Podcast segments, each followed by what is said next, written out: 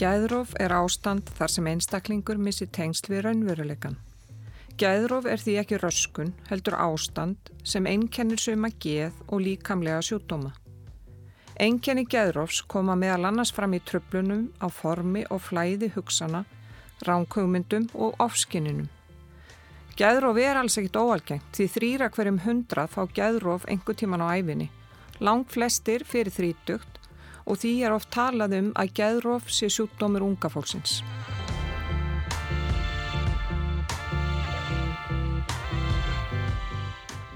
Sæl hlustandi góður. Þetta er þriðji þátturinn af sex í þáttaröðinni geðbriði. Í þessum þætti verður fjallað um geðróf og geðrófsjúkdóma. Viðmálendur okkar í dag eru Ágústa Íslegsdóttir sem er með geðrófsjúkdóm, Halldóra Jónsdóttir geðleiknir, Haldóra Víðistóttir hjókurnafræðingur og Styrkar Halsson sálfræðingur. Ég heiti Guðrún Haldónadóttir. Ég heiti Margret Manda Jónsdóttir. Og ég heiti Tómas Hrafn Ágússon. Haldóra Jónsdóttir, yfirlæknir á meðferðareiningu Gæðuróf sjúkdóma á landsbytalanum, segir að Gæðuróf sé í rauninni notað sem ákveði reglífar hugtak yfir Gæðuróf sjúkdóma. Gæðuróf er í rauninni hugtak sem er notað um það sem gerist þegar fólk, þegar, það trublast raunveruleika skinn hjá fólki og einkennist í rauninni af því að, að raunveruleika skinn er trublast og fólk getur fengið ránkumindir, e, eh, ofskinjanir, það getur fengið trublun á flæði hugsunar sem kemur þá fram í, í því hvernig fólk talar. Og svo getur orðið ákveðin óreiða í já, bæði hugsun og hegðun. Og geður of í rauninni líka notað sem svona ákveðin svona e, reglífa hugtak fyrir á, ákveðina sjúkdóma. Það er talað um geðrófssjúkdóma og það eru sjúkdóma sem geðróf kemur fyrir og er eitt af enginunum sem getur komið fyrir í þeim sjúkdómum. Helstu geðrófssjúkdómar eru geðklofi og geðkvarfaklofi sem nær yfir það þegar fólk er bæði með enginni geðklofa og lindisveiflur líkt og í geðkvörum, þá annarkvort geðlægð eða geðhæð á sama tíma. Geðklofi er sjúkdómur sem að hefur verið til, eða skilgrendur, hann var skilgrendur fyrst bara fyrir e, rúmri öll síðan, eða skitsofrenia, það hugta kom fram árið 1911 og, og þetta er sjúkdómur sem að einkennist af þessu geðrófi og síðan e, koma líka fram þessi virkni, þetta virknifall fólk svona dregur sér svolítið út úr lífinu. Fólk kannski sem áður hefur verið virt og í nútímanum krakkar í skóla og svona fara einangra sig, missa samband við félaga sína, hætta jáfnvel að hyrða um sig og umhverfi sitt og þessi enginu koma jáfnvel á undan gerusengjununum en eru svo meira ábyrgandi þegar við erum búin að ná kannski að aðstofa með gerusenginu, þá sitja þessi engin eftir uh, og fólk kemur sér ekki á stað. Og svo eru líka svona tilfinningasveiflur og, og það að fá geðrósengjani það veldur oft greiðlega vanlíðan og ræðslu og það getur verið mjög mikil örvænting falin í því að upplifa til dæmis að einhver vilja er ílt að þú ert hrættur kannski sopnar ekki fyrir hvíð og ræðslu akkur vil fólk mér ílt, hver er að gera þetta? Veist, hver er að fylgjast með mér gennum tölvuna mína? Þannig að, að maður þarf svolítið að, að skilja einkennin og, og vanlíðan sem því fylgir til þess að átta sig á þessum sjúkdóm að það er og svo getur verið svona áhrif á, á líka vitrana getu að fólk á í meiri erfileikum svona með að skipilegja lífsitt e, og það er ágætt hugtak yfir það sem að, á íslenskum stýrifærni, hvernig okkur gengur svona bara skipilegja daginn og, og læra af reynslunni og, og þetta er oft eitthvað sem fólk lendir í erfileikum með. Það er bara í, í rauninni að halda utanum bara svona þessar daglegu hluti sem við þurfum að sinna og svo samfélag mörguleita voru svolítið flóknara í dag þannig að það, það, það getur líka valdið erfilegu. Ránkumindir eru fylgifiskur gæðrósjúkdóma. Ránkumindir er í rauninni hugmynd sem einhver hefur sem að er í grunninn raung og aðrir í hans menningarheimi hafa ekki þessa hugmynd og það, það er til íms að gerðir af ránkumindum og það sem að kannski að því að við myndust eitthvað á, á svona hvað hugmyndir fólk hefur um geðklofa þá er áttamarki sig á því að aðursóknar hugmyndir eru algengar. Að fólk er tortrykki trúir því að aðri vilja með íld, vilja vel drepa það eða sé að elda það, það sé einhver glæpamenn, jáfnvel utan úr heimi sem sé ofsakja viðkomandi af einhverjum ástæðum en það er ímsar aðrar tegundur rangumyndum og líka algengt að fólk hafi hugmyndur um það að, að það sé svona einhvers konar hugsana ísetning eða sé verið að stela frá þeim hugsunum, stela frá þeim hugmyndum. Og svo er eitthvað sem við kvöllum tilvísunar ánkomindi sem eru þannig að, að fólk telur að, að það sé stöðt verið að fjallum það á einhvern vettfangi fréttin sem var að rúfi gær um eitthvað ákveðefni, hún var um mig eða í þessari bóku greinlega verið að fjalla um mig eða í þessari bladagrein eða einhverjir jafnvel tekstar í, í dægulögum fjallum það, þar sem við köllum tilvísunar hugmyndir.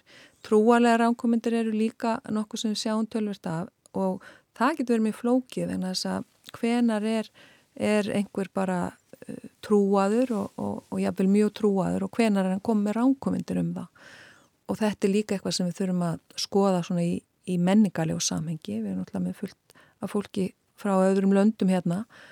Og maður getur þess vegna sett þetta upp þannig að Íslandi er alls konar hjátrú. Ef, að, ef að við varum einhverstaðar erlend sem færum að tala um alva í steinum að þá getur svona velverið að einhver myndi telja að það geti verið ránkomind en við erum líka að fara svona varlega hvað þetta varðar það fólk fær stundum í hugmyndur um að það sé ástasambandi með einhverjum sem að það er ekki ástasambandi með og það, það er eiginlega allt til í þessu og, og svo breytist þetta svolítið eftir tíðarandanum. Ef að einhver þemu eru vinsæl eins og til eins og rapptónlist við sjáum tölvist að því ungt fólk telur að hafi sami rapplög eða sé, sé einhverju fjarskinjunarsambandi við einhverja frægarappara hvað svoleiðis og tímabili þegar vampyrubíumindur voru vinsælar þá var það líka, kom það inn í ránkomundakerfi hjá fólki og svo er það náttúrulega eitrunarhugmyndir og fólk telur að sé verið að eitra fyrir þeim, jápil með mat, með livjum, stundum borðar fólk ekkert. Og svo ef að fólk leggst inn á geðdelt og að þá svona með tíman og þá tekst manni kannski að fá fólk til að borða eitthvað upp úr, upp úr áldósum sko sem það opna sjálft og, og svona þetta kemur hægt og rólega. En, en ofskinjanir eru líka markbreytilegar og frá í rauninu allir í okkar skinjun, það er algengasta fólk sem er heyrnar á skinjanir og heyri þá oftast rattir, dundum tónlist og þetta getur verið gríðarlega óþægilegt og trublandi að heyra rattir sem að stöður að segja eitthvað við því oft er það að segja eitthvað neikvægt sundum er að tala um því í þriðju personu og þannig ef þú ætlar að einbytta að einhverju eða samskiptum annað fólk eða vinna eitthvað verkefni í skólanu þínum og heyri stöður rattir að þá verður það oft mjög erfitt. You I filled your cup until it overflowed so far to keep you close I was afraid to leave you on your own. I said I'd catch you if you fall. And if they laughed and more. And then I got you off your knees, put you right back on your feet. Just so you could take Ágústa Ísleisdóttir var umlega tvítuð þegar hún lagðist tvistinn og gæði deild en upphafi má reykja til mikill af vanlíðanar í kjálfar sambandslita. Í fyrstu vegna mikið stunglindis og kvíða en í dag er hún greint með gæð kvarfa klofa. Byrjaði að veikast 1993, þá lendi ég alveg svakalegri ástasorg og löðun á spítala og svo var ég lengi vel inn og út og inn og út út af þunglindi og, og kvíða og slíku og svo fór að bera á svona maníu en, en sko þegar ég horfði tilbaka þá, þú veist, var manían, var ég að kljást við þetta þegar rullingur.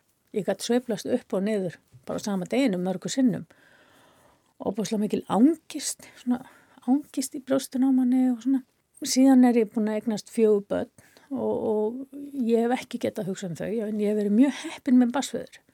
Ég er alkoholisti og það vil oft fylgjast saman sko að algar einhvern veginn laði stað öðrum ölkum en ég verið svo heppin að enginn af, já, fjögur börn með þreim mannum og enginn þeir er alkoholisti og er bara mjög heilbriðir og heilstiftir en þannig alltaf þetta samviskupið sko, að hafa ekki alið upp börnin sín og svona, en þegar ég horfði tilbaka sko þá er þetta eiginlega besta sem fyrir þau gott komið, að ég hafði smá ræna á því að setja mig ekki fyrsta seti, þannig séð. Síðan kynist ég manni 2006 og, og þá fyrir ég að reykja hass og það enda bara mig gerði. Á einni kvöldstund á manni að ég bara stökk upp í rúmun og sagði nú er það að gerast. Ég vissi að það var eitthvað alveg að gerast ég vissi ekki hvað og næstu árin var ég inn meirið að minna inn á getild. Ég var ítrekka nauðungavistuð, ég var mjög veruleika fyrrt en það var alltaf pínu lítil skinnsemi. Ég viss alveg að það var eitthvað að, ég náði ekki að setja puttan á það og í dag er ég með þess að svo kallaða greiningu bipolar schizoaffective. Ég hef einhvern veginn aldrei hugsað það neitt sem ofsalega erfiða greiningu, þetta bara er eitthvað sem maður bara er. En þú, hvenar, hvenar ferði þá þessa greiningu? Það var árið svona 2007 og, og sko ég á með mikla ránkvömyndir og ég náttúrulega, ég óla ekki börni mínu upp og ég á með svona rattir í höfðinu sem sögðu sko ef þú gerir ekki þetta ágústa þá ert að segja það að þú elskir ekki börniðin Og það mátt náttúrulega ekki vera þannig, ég vildi ekki að fólk triði, ég elskaði ekki bönni mín. Og þá voru rættir sem sögði mig, farðu og síndaði brjóstin í öndundu bensinstöð og mér langaði ekki til þess, en ég vildi líka sanna það hvað mér þætti vendum bönni mín, þannig að ég fór út á bensinstöð og síndaði með brjóstin. Og ég var hist og hér að sína með brjóstin meðan eina svo geðdeild og allt saman sko, mér langaði aldrei til þess, að þetta var eitthvað sem ég varði að gera. Og partur af rangumundunum voru sem sagt að mér fannst ég alltaf að sjá að væri að vera mistur um börnunum mínum. Og mér fannst þetta bara eiginlega alveg óbærilegt sko, ég sá þau öll limlest og allt saman og, og ég hljóf kannski að heimann í hólunum og út í særlega hverfi bara á bærfætt og sundasmotni til aðtókvort að tvingstu börnum mínu væri í lægi og þetta engjandi, veikindin hjá mig, ég var út um allan bæ að gáða börnunum mínu. Vímuefni hafa haft mikil áhrif á líðan ágústu en hún notaði hvorki áfenginni og önnur vímuefni þegar hún vektist fyrst. Og ég er svo mikil fíkil, sko. Til dæmis bara sem dæmi, sko, ég er búin að vera í ettur núna í ykkur 13 ár og aldrei drukki orkudrykki. Herðu, svo fæ ég mig svona einn orkudrykk, bara eitthvað svona heima hjá mér. Ég fann að draka fimm orkudrykk á dag bara næstu daga, skilju. Og, og þetta er mjög lýsandi fyrir mig og fyrir marga fíkla að þó maður fá ekkert kikk þá misnota maður samt þetta er eins og Einstein sagði skilgreininga og hérna geðveki er að gera alltaf sama hlutin aftur og aftur og allast til annar niðurstöðu skilur við, þannig að veist, þetta er svona fíkil sko. Og var þetta ekki eins með reykingar hjá? Jú, Kristófin ég byrjaði að reyka 37 ára og bara í síta aðsett sko, bara fyrst sko síðan er ég án einn, ég átti kærast þarna og svo er ég án einn og lasin og ég, ég veit að trúur þess enginn. Ég reykti mest fjóra bakkadag og ég man eftir því að ég á búin að reykja yfir svona eiturun, þá man ég hugsaði ég reykja mér bara yfir þetta. Og ég reykti og reykti og reykti þannig til, þannig til ég hætti að vera flökkust en að hætti að reykja er eitt erfiðasta sem ég tekist á við, mér ást að erfiðara heldur en að nota eiturlif eða, eða áfengi. Meira ávanabindandi. Já, svo verður sko þegar maður er svona einn og einmann og þá verður síkaretan svona vinumanns og, og hún var svona, ef mann líður ítla þá fæ maður svona augnabliksfráun sko að reykja, þú veist, en það var þannig ég kveikt í sko, bara stanslust sko. Haldóra segir streytuvaldar eins og áföll, fíknefna nesla eða mikið álægi skóla geti valdið við gæðrófi. Gæðróf getur komið fyrir líka í þunglindi, í manjum og það er líka hjá fólki sem nota fíknefni svona helsti valdur á geðröðu sem við vitum er, um er, er tögabóðefni dopamin og ef það eru mikið dopamin þá getur fólk farið í geðröðu og, og ef fólk notur örfandi efni eins og um samfetamin þá ekki dopamin og ef við myndum fá okkur nóg mikið amfetamin þá gætu við fengið enginnum geðröf til dæmis einhverjar aðsónar hugmyndir og geðröf getur líka komið fyrir hjá fólki sem eru undir greiðlega miklu álægi, langarandi svebleysi og það er yfirleitt eh, og í rauninni hjá fólki sem er þá ekki að glýma með undirleikandi geðsutdóma, það er þá yfirleitt frekar skamvind og svo getur fólk, já fólk getur farið í geðróf eh, ef það verður fyrir alvarlegum áföllum. Maður sér það stundum að fólk getur farið í svona skamvind geðróf við eitthvað greiðlegt áfall sem verður. Fólk fer líki geðróf stundum tengt líkamlegum veikindum og það er oft til dæmis, þá séum allir svo oft tölvert af sjónáskininu og, og fólk verður jáfnveg svolítið svona rugglað í tíma og stað og til dæmis eldra fólk sem er alvarlega vektin og súgrási líkalega vekt þá sér maður þetta stundum þetta kalla óráð og það getur komað fram geður og sengin stundum í óráði og þau geta komið líka af einsum öðrum fíknefnum en áfuttamíni.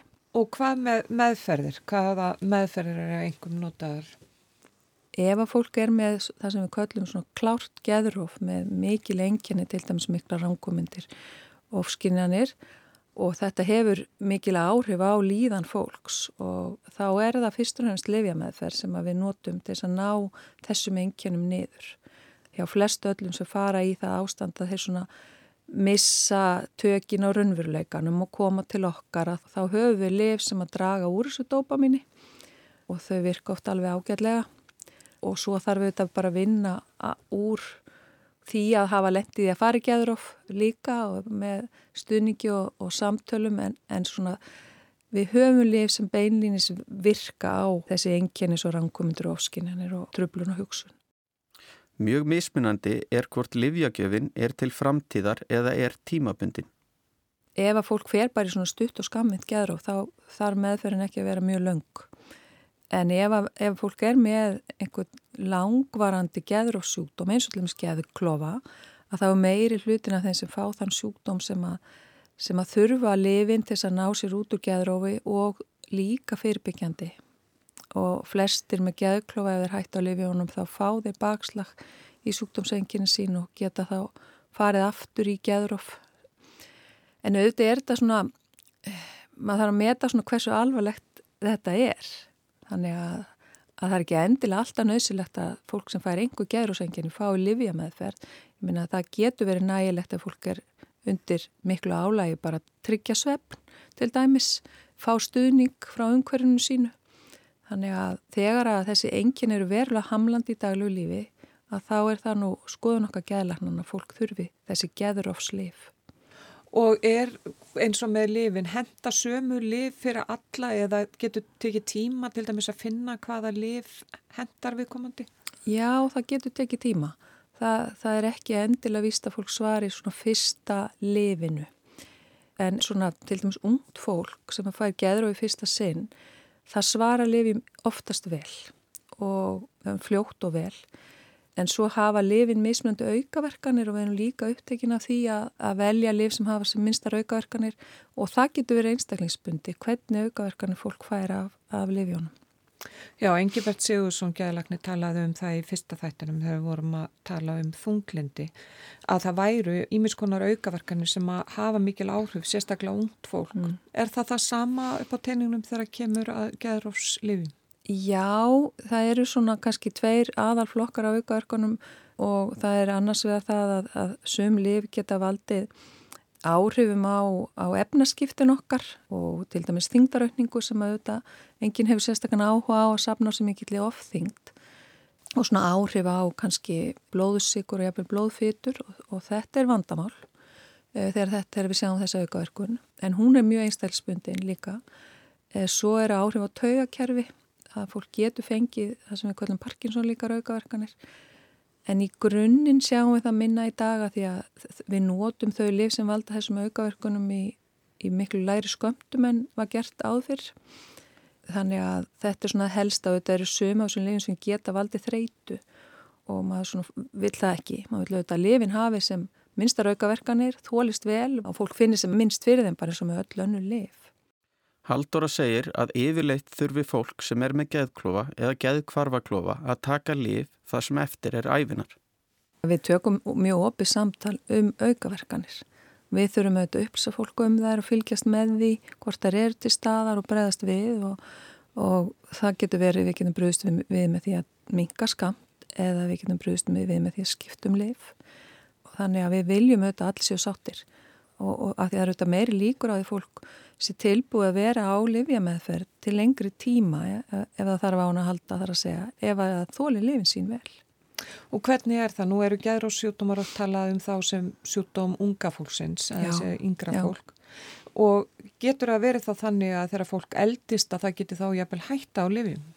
Það er svona yfirleitt ekki þannig með þessa gæðróssjútum eins og gæðklofa. Lang flesti með gæðklofa eða geðkvarfaklofa þeir þurfa að taka geður og slif, meiri hlutæfinar. Svo er alltaf markmið hjá okkur samt að, sko, að, að draga úr skömmtum. Þetta er að geður og gengur yfir að þá reynir maður að lækka skömmtin aðeins og, og svo er það, það er stundu þannig að fólk verður eldra, þá getur maður gert það. Þá, þá þarf fólk aðeins minna en það getur líka verið auðvögt að fólk þurfi meira. Stundum er fólk búið að vera á, á góðu róli að hvað var það geðrúsengjum í mörg mörg ár og svo verður einhver streyta það er streyta eða álag getur aukið geðrúsengjum og fólki sem búið að vera stabilt í langan tíma og þá getum við að lendi því að þurfa allir að auka skamta eða, eða jafnvel að lefin svona fara sína minna virknum að það er skiptum. Þetta er allt frekar einstaklingsbundið en í grunninn mælu við með því að þeir sem eru með svona þessa langvarandi geður og sútoma þeir taki geðróslif til lengri tíma og geðróslifin eru svona svolítið grunnurinn að annari meðferð. Ágústa hefur ítrekka þurft að leggjast henn á geðdeild frá því að hún lagðist inn í fyrsta skipti um tvítugt og hún hefur farið í fjölmarkar výmöfna meðferðir. Ég hef ekki tölu á því og fyrir utan alla meðferðina sem ég hef búin að fara í eitthvað yfir á annan tug meðferðar og eitthvað, þú veist, ég hef ekki nýja eða tíu eftir meðferðir. Eh, ég fór í tvær meðferð á Krísvík en kláraði það ekki. Svo er það nú eitt, sko, þegar, þegar ég, sko, gömul geðlif er ótt svo, með svo þungar aukaverkanir og eina af þeim, sko, maður bara, p, p, p, maður bara blæs út eins og bladra, sko, og ég var, ég, sko, feitt fólk, meðan ég, það mæti fordum og ég fatt að þetta ekki alveg, jú, ég var alveg meðut um það, veist, ég var illa feitt og allt saman, en það sem ég, sko, það sem ég átti ekki vona og var að þegar ég grendist síðan, þá breytist við þór fólk skakvært mér. Þegar ég var feitt, þá voru oft talað yfir mann, fram hjá manni, Ma, þú veist, þá var maður spurður að eitthvað, var, fólk hefði ekki fyrir að hlusta á svarið, svona leiðu ég grendist, ég er ekki að tala um fólk hefði kasta sér á mig, en ég fann, það var breyting. Bara út af einhverju útlits, já. já bara út á því. Og ég hef ekki trúið því sjálf sko nema og reyndu. En, en þetta er einmitt einna að fylgifiskum þessa gamlu geðlifa? Já, til dæmis eh, það er talað um sko fyrsta stygg skeðlif og annars stygg svo þriðastygg, það er alltaf að byrja á fyrsta, svona reyna svona létta lífekju og ég hef búin að vera að andvaka bara í ykkur ár, sko, ég sopnaði kannski sex á mótnana og vaknaði kannski átta og þetta var svo bara hræðilega erfitt. Síðan er ég lóksinn sett á svona þriðastiksgeðlif sem heitir Leponex og þá er ég búin að vera bara í mörg ár bara alveg búin á því andlega. Og einhvern veginn þegar maður gerir ekki neitt, maður bara situr allan daginn, maður fer ekki út, maður gerir ekki neitt, þá eigðir líka minn engri orku. Það er ekkert sem mann gerir sem er þreyti mann, skilfu, og þá náttúrulega lág ég andvaka. Síðan er ég sett á þetta Leponex, þetta þriðastiksgeðlif, tók töflunum klokkan tíum um kvöldið og ég vaknaði 11 daginn eftir. Og ég man ég bara, ég er læknuð. Það, þú veist, og bara svefn sko, svefn er alveg ótrúlega líkn fyrir þá sem þjásta sveflis og það má eiginlega segja sko, þarna byrjaði svona hægt og róla átt í bata sko. Og ég tek alveg fulla lúku á mótnana gæli og ég svo þreytt á því. Ég svo þreytt á því, mér langar svo hætta en ekki fyrir mitt litla líf eftir að það búið að ganga á sko. True love will find you in the end. You'll find out just who was your friend. Don't be sad, I know you will. But don't give up until true love will find you Í nauðungarvistun er sjálfræði einstaklingur ferðu nauður á sjúkrahús og haldi þar eða þegar einstaklingi sem dvalið hefur á sjúkrahúsi að fúsum að frjálsum vilja er haldið þar nauðugum. Um er að ræða undatekningu frá þeirri reglu að sjálfræða einstaklingur er ekki vistaður nauðugur á sjúkrahúsi. Ágústa segir að það hafi tekið hana langa tíma að vinna sig út úr því að hafa verið nauðungavistuð. Það búa öruglega 99% fólks við það að eiga öryggi í heimilisinu. Að það er tvei fólk sem er að miðstæra um að korta yfir alls konar. En í mínum tilfelli sko þá var mitt heimili var mitt svona öryggi. Síðan bara bankað eða bara komið inn og það var bara lauruglufjónar, borgarlagnir, geðhjókunarfræðingur, bræðu mínir, mamma, þú veist, það bara fylltist alveg bara stofan og ég vissi ekkit hvað ég hafi gert ránt og ég bara hvað, hvað, hvað. Og ég var nöðungavist unnir á hérna geðdeild og þegar það svona er gert og þegar það er gert ítrekað, þá það brestur eitthvað inn í manni. Maður missir tröst á allt, maður, maður missir tröst á samfélagið, laurugluna, fjölskylduna, það er bara allt tröst, það kemur bara stór sprunga og það er ekkert svo auðvilt að fylla upp í þá sprungu aftur. Ég menna hún sérst alltaf.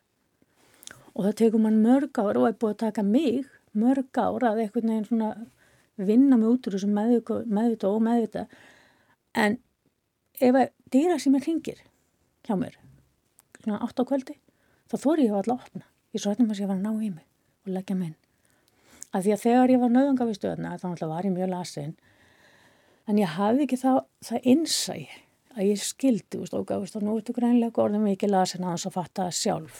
Þannig að Já, það er raunin ástæðin fyrir því að fjölskyldan Já. velur að óska eftir því að, að þú verði nöðungavistu. Algjörlega, algjörlega. Og ég var lengi, sko, lengi vel var ég, þú veist, mjög reyð út í fóröldra minna, þú veist, og svona grimm einhvern veginn í huganum. Ég sagði samt, ég, ég gati ekkert, ótrúlega nokk, en ég gati ekkert tala á þessum tíma og, og ég var mjög svona grimm í huganum, sko, gakkvöld þeim. En með tímanum sem betur fyrr hef ég einhvern veginn svona, hefur þetta svona þróast út í það að þú veist, ég er ekki reyð við fóröldra minna.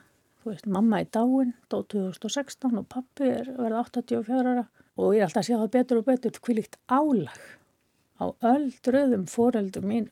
Sko þá kom fyrir, ég er búin að segja frá þessu og móði mín örmagnaðist á tíma. Hún bara dætt í gólfið, fekk hjartröflanir, hún misti þvag og ég held ég sé nú ekkert að, ég er að segja þetta til að útskýra hvernig ástand foreldri eða ættinga getur verið og hérna þetta er, þetta er eins og með alkoholism þetta er svona fjölskyldisjúkdómur það eru fáið sem sleppa fámanni sko. Haldara segir að nöðungavistun sé stundum beitt þegar geðráfsenginin stýra öllum hugsunum og aðtöfnum viðkomandi. Það er náttúrulega fyrst og fremst ef að fólk er með mikil geðráfsengini sem að það er gert e, og þá ef að geðrósengin eru þannig að, að, að fólk hefur í rauninni að þau stýra öllum hugsunum og aðtöfnum einstaklingsins.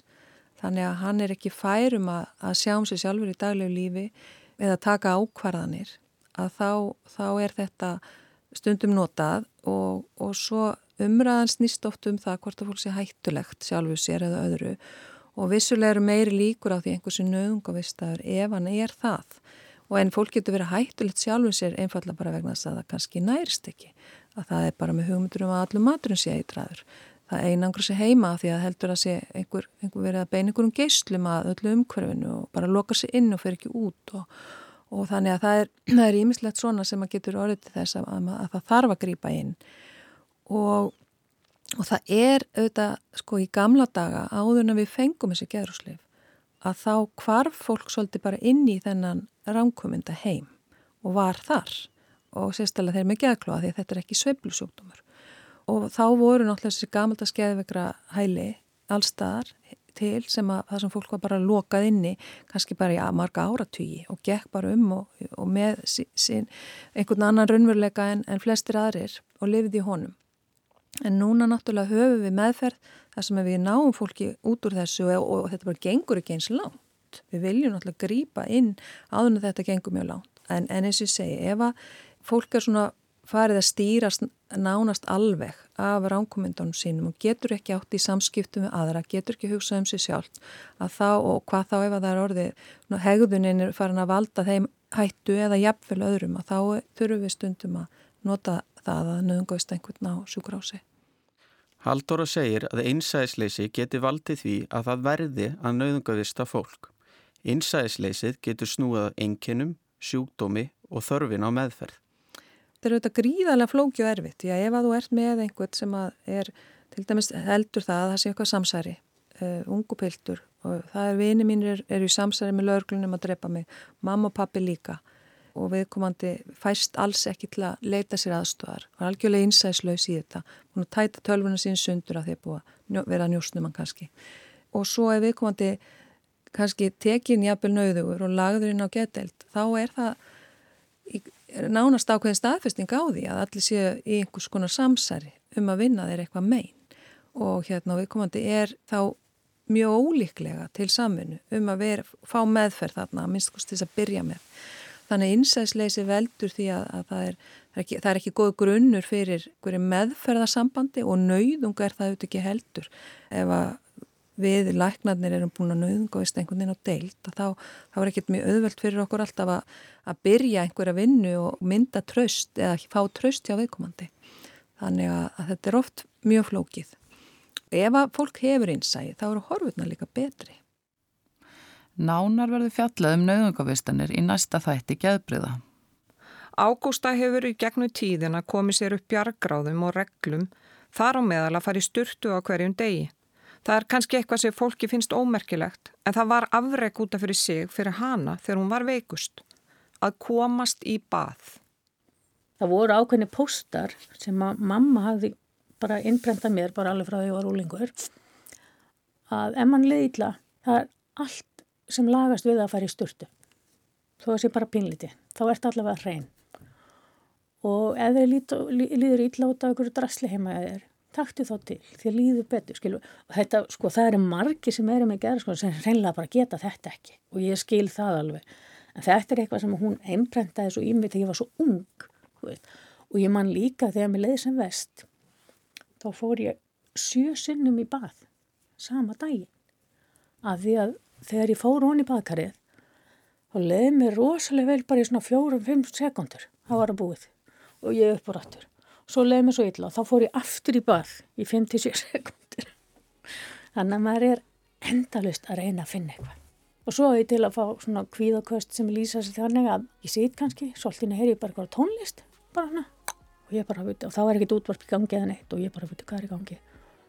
Svo líður mér eins og bara ég sé einhvern veginn að fjara út í líkamannum og ég fæ svona kvíðakast ég bara, ó nei, þú veist alveg bara. Og ég er svo hrætt við að ég er svo óbúslega hrætt við að verða veika eins og ég var. Að ég var svo óbúslega lasinn og en ég er með triks við þessu. Ég bara leggst niður í sófaninn stofu loka hugunum og hugsa bara að þetta líður já, ég ætla bara aðeins að leggjast niður. Og það virkar enda líka sko, það, veist hvað ég segja, maður er náttúrulega skipstjóri í eigin lífi þó maður sést ekki alltaf góði skipstjóri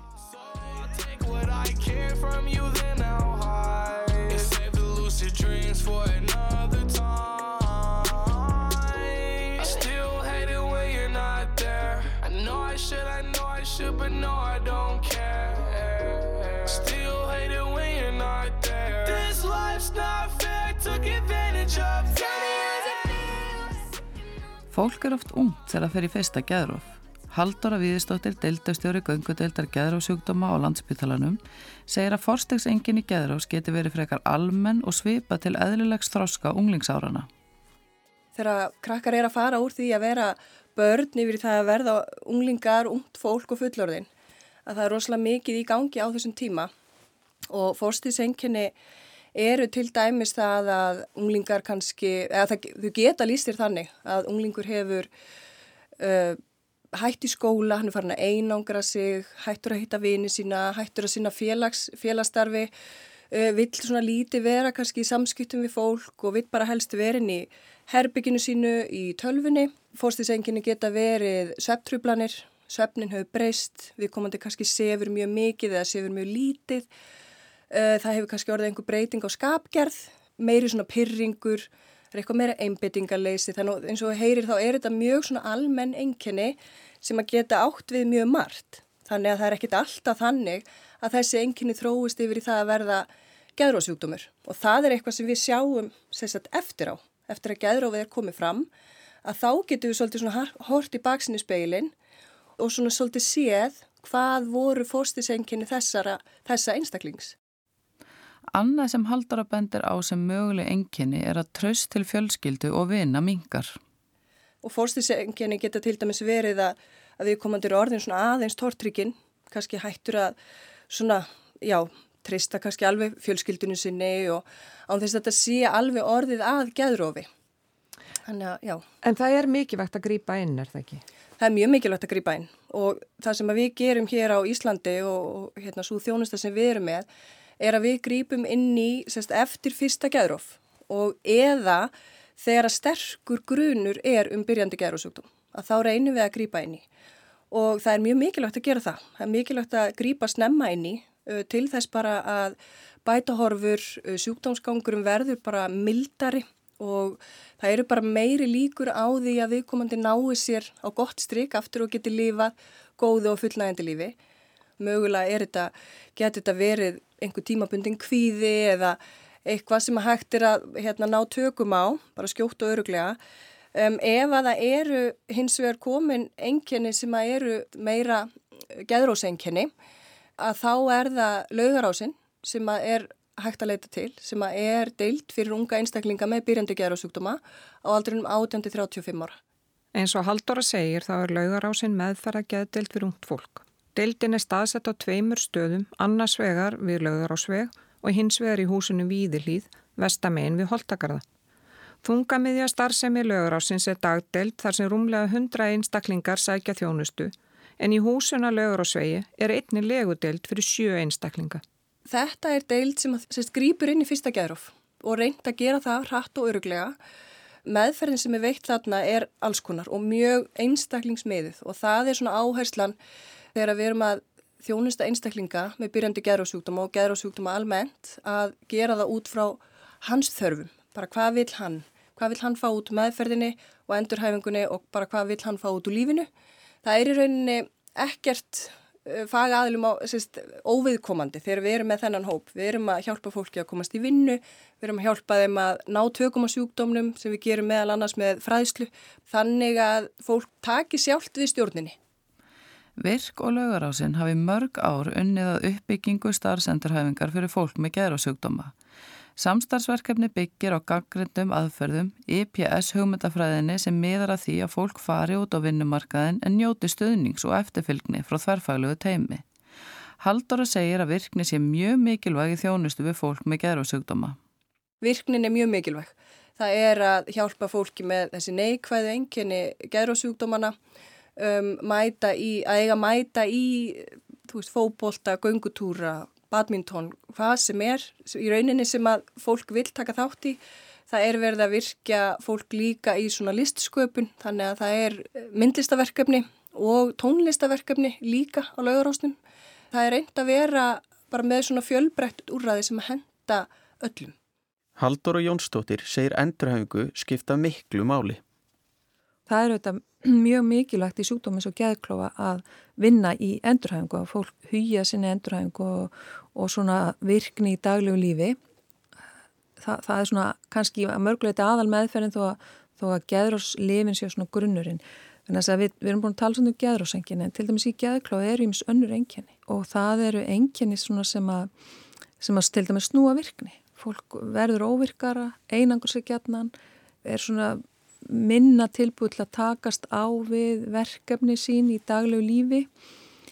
Og af því þetta eru líka sjúkdómar ungafólins og fólk með gækla kannski veikist í kringum tvítugt að þá er ekki allir sem eru búinir öðlast sjálfstæði sitt.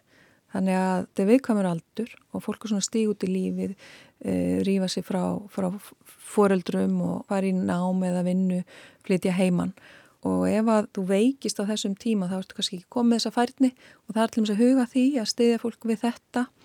Þannig að, að, svona, að þessi engjani, þess að maður sitja oft eftir þegar gerðsengjanir er farin er svolítið það sem við vinnum með í endurhefingunni eins og til dæmis á lögrás eins og búið að koma fram.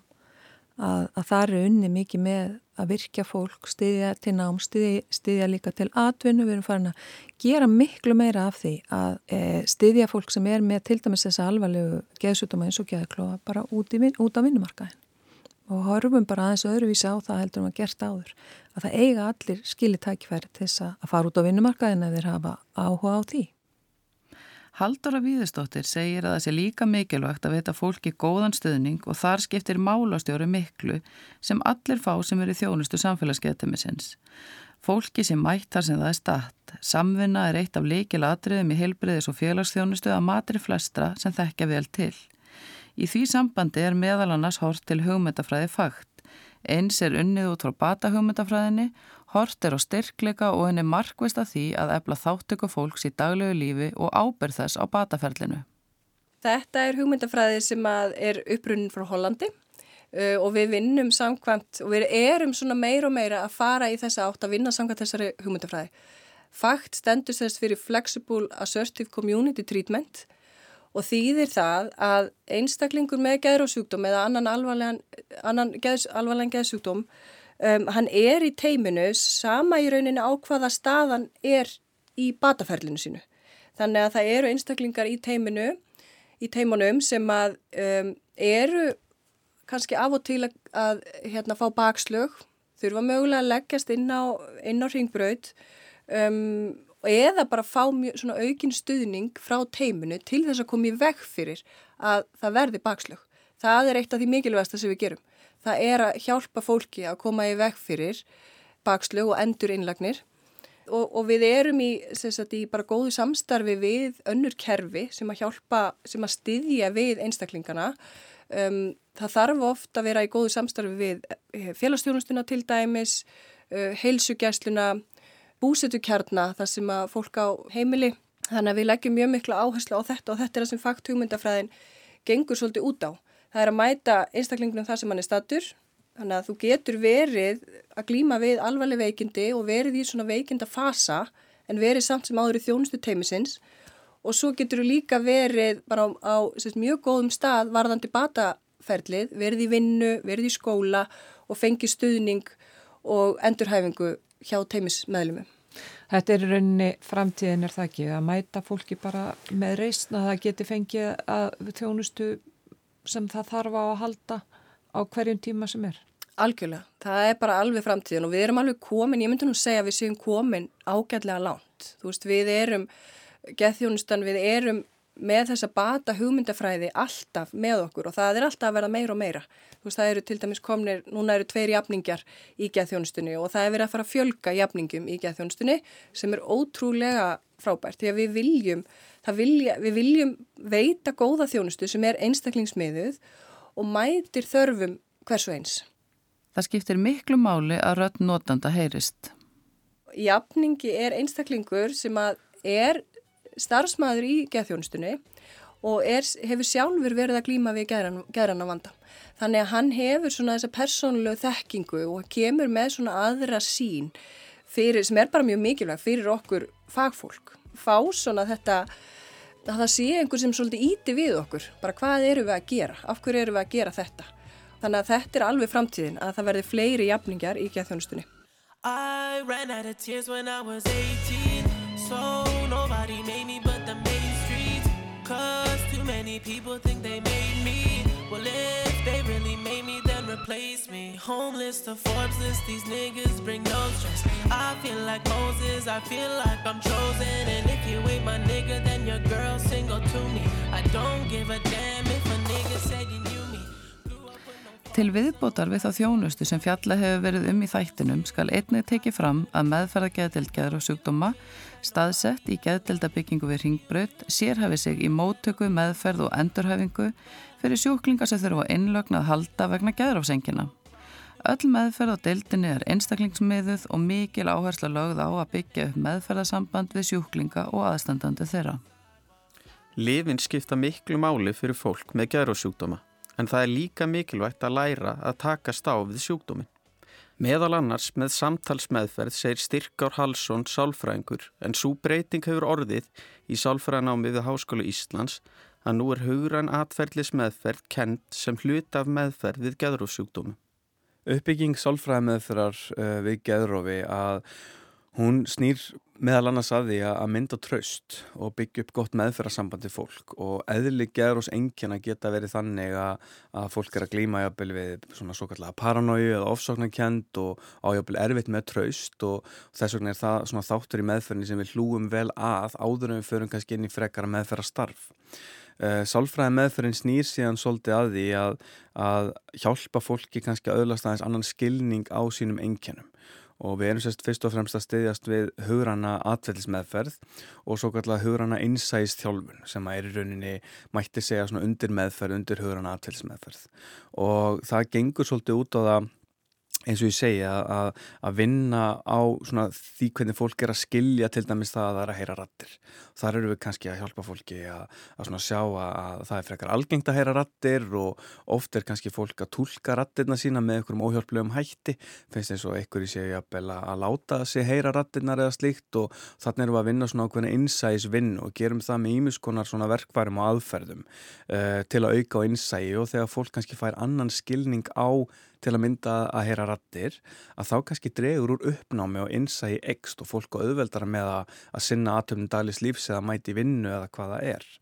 Og þetta fyrir smátt og smátt að tala saman og styrkja fólk Síðan auðvitað erum við að vinna með hérna, til dæmis bara paranói með sambarilegum hætti að það er ótt fólk kannski að skilja hlutina með skökkum hætti að, að einhver sé að bela eftir þeim með eitthvað slíkt að þess að það sé kannski uh, mikil, svona, mikil grunnur fyrir því. Og þá að samaskapi erum við kannski að, að vinna með auki innsæi í það og gerum það eins og áður með ákveðnum, ákveðnum aðferðum sem kannski verður til þess að fólk verður sveiganleira í því hvernig það horfur á heiminn og útskýrir hlutina En svo eins og ég nefndi hérna áðan að þá, þá erum við líka að horfa til tengdra raskana eins og áfallastreitu eða fíknivanda og þá meðhandla það samhliða sem kemur þá inn í alla með að vinnuna. Og ég myndi líka segja að, að við séum að hjálpa fólki og erum duglega að horfa á til dæmis bara lífsgæði og sjálfsmatt fólks og að styrkja fólki að komast út í lífið jafnvel þegar það hefur verið lengin og deild og erum jafnvel að nýta okkur aðferður hugurnar aðfælismeðferðar þar til að takast á ímiðskona hindranir sem koma upp. Þannig að þetta er svona að sömuleiti líka heildrænt hvernig við vinnum með þetta en, en svona höfurinn aðtæðis meðferðin og þessi einsæðist þjálfinn eins og ég segi ekki kannski fyrst og fremst út á að, að vinna með skilning fólks á, á því sem að það er að upplifa. Nýveri byrti geðhjálp niðurstöðu rannsóknar um fordóma og þar kemur fram að dreyji hefur úr fordómum gagvar þunglindi en fordóma gagvar geðklofa virðast breytast hægar og síður. Þó er greinilegt að fordómur og skömm sem tengjast því að segja frá aðstæðum sínum og meðferð hefur minkað bæði varandi þunglindi og gækluga. Einnig kemur fram að umtalsvert færri telja erfitt að tala við einstaklinga með þunglindis eða gækluga enginni. Styrkar hefur starfað hjá Geðsviði landsbítalans allt frá því að hann var á fyrsta ári í Sálfræði Háskóla Íslands eða í átta ár. Hann byrjaði þar sem ráðgjafi og syndi því starfi til ársins 2020. Styrkar starfa núna fíkni geðdelt en var áður á sérhæðuri endurhæfingar geðdelt.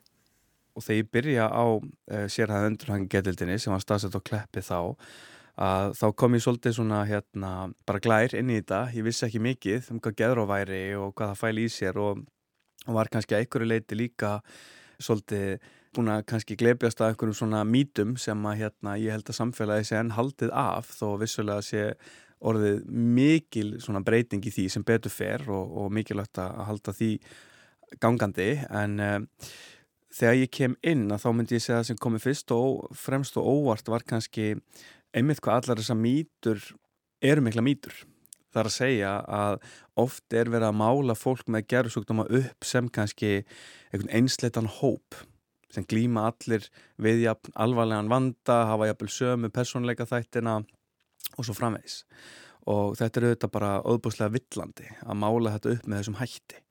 Um, að því að staðrindin er að fólk með gerðsúkdóma er í öllum stjættum og öllum stöðum og, og hérna og öllum öngum samfélagsins. Og ekki síst er að þannig að allir geta lendið því að glýma við þessa gerðuskun eins og aðrar.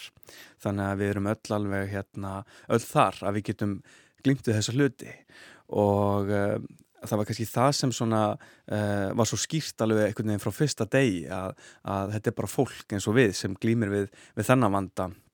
Og, og ég held að er svo mikilvægt að svona sá mannlegi þáttur styrkist í samfélaginu að það er mannlegt að glýma við geraskanir og rannsóknir að sína að meilhutin á okkur gerir það á einhverjum tímapondi þó við séu ekki gerasúkdóma en uh, Ég held að það kannski hafi svona einhvern veginn breytt svolítið minni sín og ég held að fyrir flesta sem vinna í þessum geira þá gera það það. En svona aðri hluti sem komur óvart var kannski líka hvað eins og áfallasaga er mikil hjá þessum hópi og það kannski kemur ekkert óvart að því að það er þetta skilja alveg oft hvernig gerðsraskanir verða til út frá áfallasögu en uh, þannig að það, það er unni það sem rannsóknir sína líka að, að yfir uh, 50% og jafnvel rannsóknir sína herritölur upp í 70-80% af þeim sem eru glímaveikjaðróf að, að þeir hafa einhver áfalla sögu og jafnvel áfalla streytur öskun sem, svona, sem er þá meðfram hinum vandanum. Um, þannig ég myndi segja að það komur ávart líka og ekki síst neysluvandi hvað hann er algengur hjá þessum hópi og þar eru við líka samkvæmt tölfræðilegur rannsóknum að sjá allavega einn af hverjum tveimur og svona við sem að höfum kannski sérhaft okkur í þessu viljum jafnvel ganga svo langt að segja að það er ekki hægt að slíta þessa hluti í sundur og þess vegna tölu oft um tvígreiningar.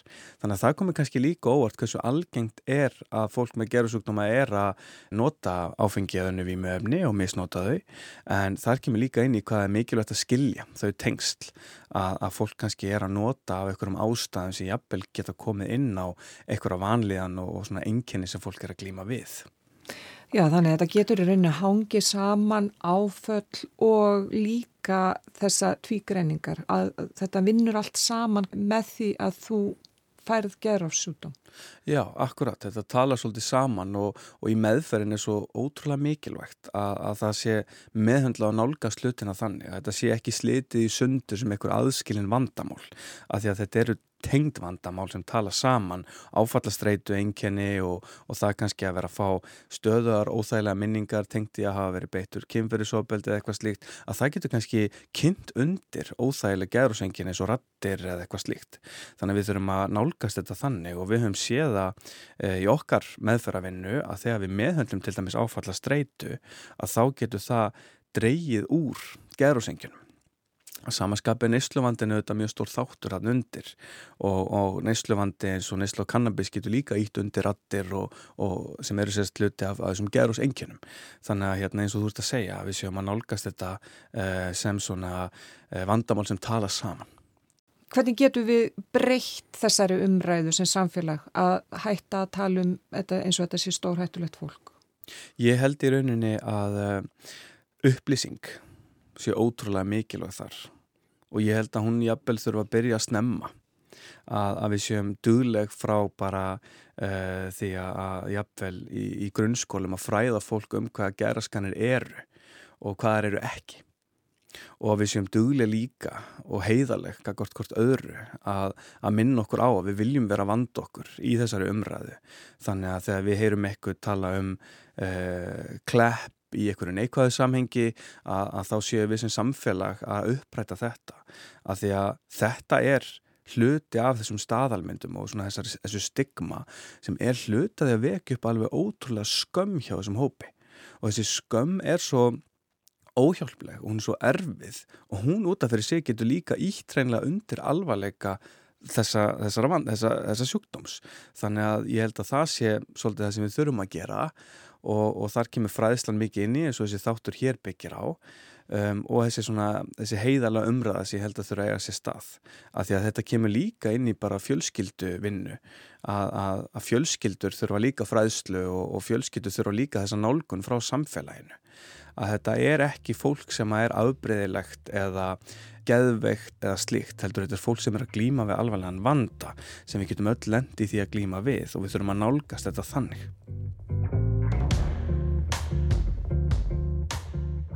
Við höfum fjalla töluvert um lauðungarvistanir í þessum þætti og ætlum að halda því áfram í næsta þætti geðbriða.